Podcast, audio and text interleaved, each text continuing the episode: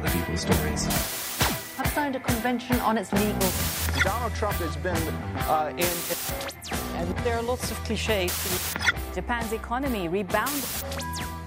Departure of flight to London Gatwick.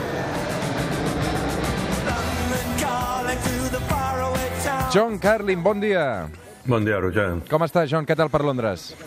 Eh, bien, bien, aquí eh, tranquilo. Eh, momentos de sol, momentos de lluvia, momentos de nubes. Esto es eh, Londres. Vivimos en la incertidumbre, como con el Brexit. Pero por favor, no hablemos de Brexit hoy. No, avui et posaré damunt la taula una paraula que és la paraula de la setmana, sens dubte, a Catalunya, i suposo que a tot l'Estat.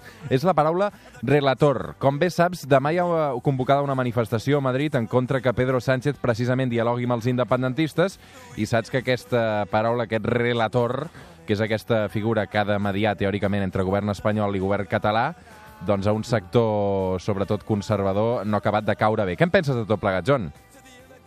Sí, no, tremendo. Que esta palabra relator, que es una palabra a primera vista bastante inofensiva, eh, lleve a que Pablo Casado y otros acusen a Pedro Sánchez de alta traición, o sea, hemos llegado ya a un grado de locura total. O sea, olvídate de, de Junqueras y los demás eh, presos y el juicio. Esto es meramente sedición y rebelión, tonterías, comparado con alta traición.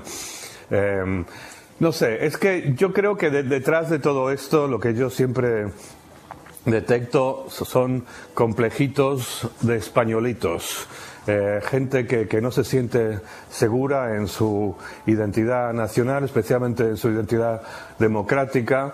Eh, y me recuerda esto, mira, también Casado está hablando del independentismo catalán y ETA y tal. Me recuerda a, a las negociaciones de paz en Irlanda del Norte, que fueron bastante ejemplares. Ahí no hubo un relator, hubo algo aún más temible y terrible para el, gobierno español, o, o por lo menos el Estado español en general y la derecha. Hubo un mediador internacional. O sea, eso funcionó en gran parte en Irlanda del Norte porque hubo un senador estadounidense llamado George Mitchell que estaba ya actuando como una especie de, de árbitro entre, entre ambas partes y ahí estaba participando Tony Blair, el primer ministro, con terroristas, pero totales terroristas del, IRA, ¿no? Y ahí es que pese a todo el disgusto que me provoca eh, Reino Unido e Inglaterra, la gran diferencia es que es un país que, al fin de cuentas, está mucho más seguro de sí mismo y, como digo, de su identidad democrática. Y este miedo que haya relatores y mediadores eh, delata esos complejos, esas, esa sensación de inferioridad, inseguridad, eh, y me desespera, porque no creo que hay ningún motivo por el cual España debería de sentirse inferior a otros países, pero así es. Doncs aquest és el panorama que tenim, aquesta és la paraula, sens dubte, de la setmana, John. Però deixa'm... Um, fa molts dies que no et pregunto uh, sobre futbol. Uh, he estat una setmana intensa, també. Deixa'm posar-te en situació un moment. ¿Usted votaría a Guardiola? Hombre, pues, si se presenta, eh, es un gran entrenador, aquí hizo la revolución. O sea, le votaría. Oh, por supuesto, si se presenta Pep Guardiola. Aquesta és una declaració de Josep Maria Bartomeu, el president del Barça, que entre tants focus informatius ha quedat una mica apagada eh, aquesta setmana. Eh, diu que votaria Guardiola si es presentés com a president del club, el votaria en una entrevista, eh, en aquest cas a la cadena COPE, eh, una entrevista força interessant, um, i com deia, que, que havia passat aquesta declaració una mica apagada, amb una persona, Josep Maria Bartomeu, que no acostuma a donar grans titulars. Val a dir que la pregunta també estava molt ben feta. John, eh, una setmana precisament en què hem tingut clàssic, eh, tot plegat també amaneix eh, l'actualitat blaugrana, eh? Sí, mira, antes de, de- de- de ir al, al- al grano o al blaugrano, em, quería decir que, que me siento tan, esto creo, creo que lo he dicho antes de este programa, pero, pero vale la pena repetirlo, me siento tan agradecido de tener el fútbol en mi vida, me siento tan agradecido de que me criaron en Argentina, de que mi padre era futbolero, para tener el fútbol como refugio, consuelo y alegría en un mundo de tanta, tanta estupidez y banalidad en el, en el ambiente político. Eh, es, eh, eh, de repente esa gente como Bartomeu, como Guardiola, son eh, dioses de la racionalidad y de la decencia comparado con estos imbéciles que tenemos, por ejemplo, en, en, bueno, en mis dos países, Reino Unido y España, la gente que está mandando en la política. Hay gloriosas excepciones, por supuesto, pero eh, es, es una alegría.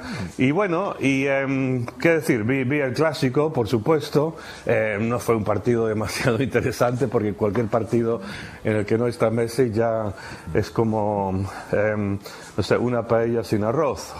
Pero, pero bueno, eh, a mí me, me está interesando bastante lo que está pasando en la Premier League, el- este duelo que hay entre el Manchester City y el Liverpool, que está muy bonito.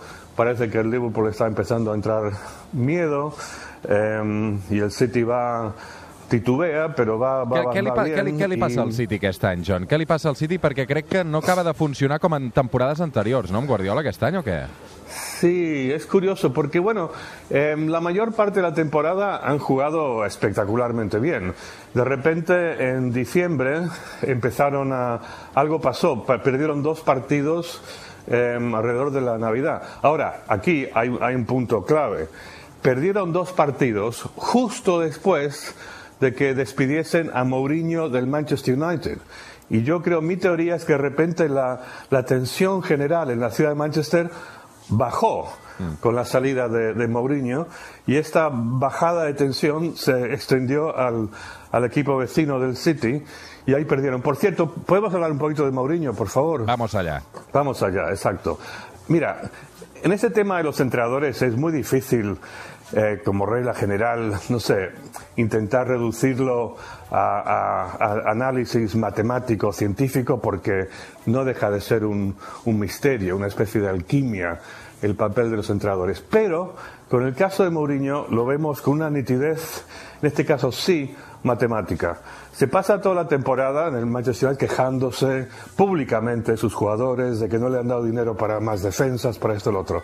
Echan a Mourinho, desde entonces el United tiene un entrenador que viene de Noruega, que no tiene ninguna trayectoria eh, de renombre, Ole Gunnar han- no han perdido ningún partido, llevan 11 partidos invictos, han triplicado la posesión del balón, triplicado el número de goles que, que marcan. O sea, creo que pocas veces se ha dejado más claro, más en evidencia las limitaciones, las debilidades de un entrenador, como en el caso este del Mourinho i el Manchester United. Per tot plegat, avui arribarem fins les 9 del matí amb...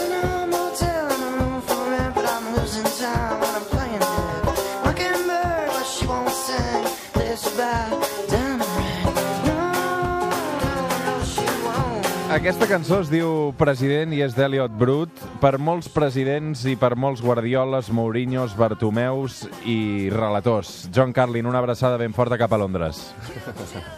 Una abraçada, Roger.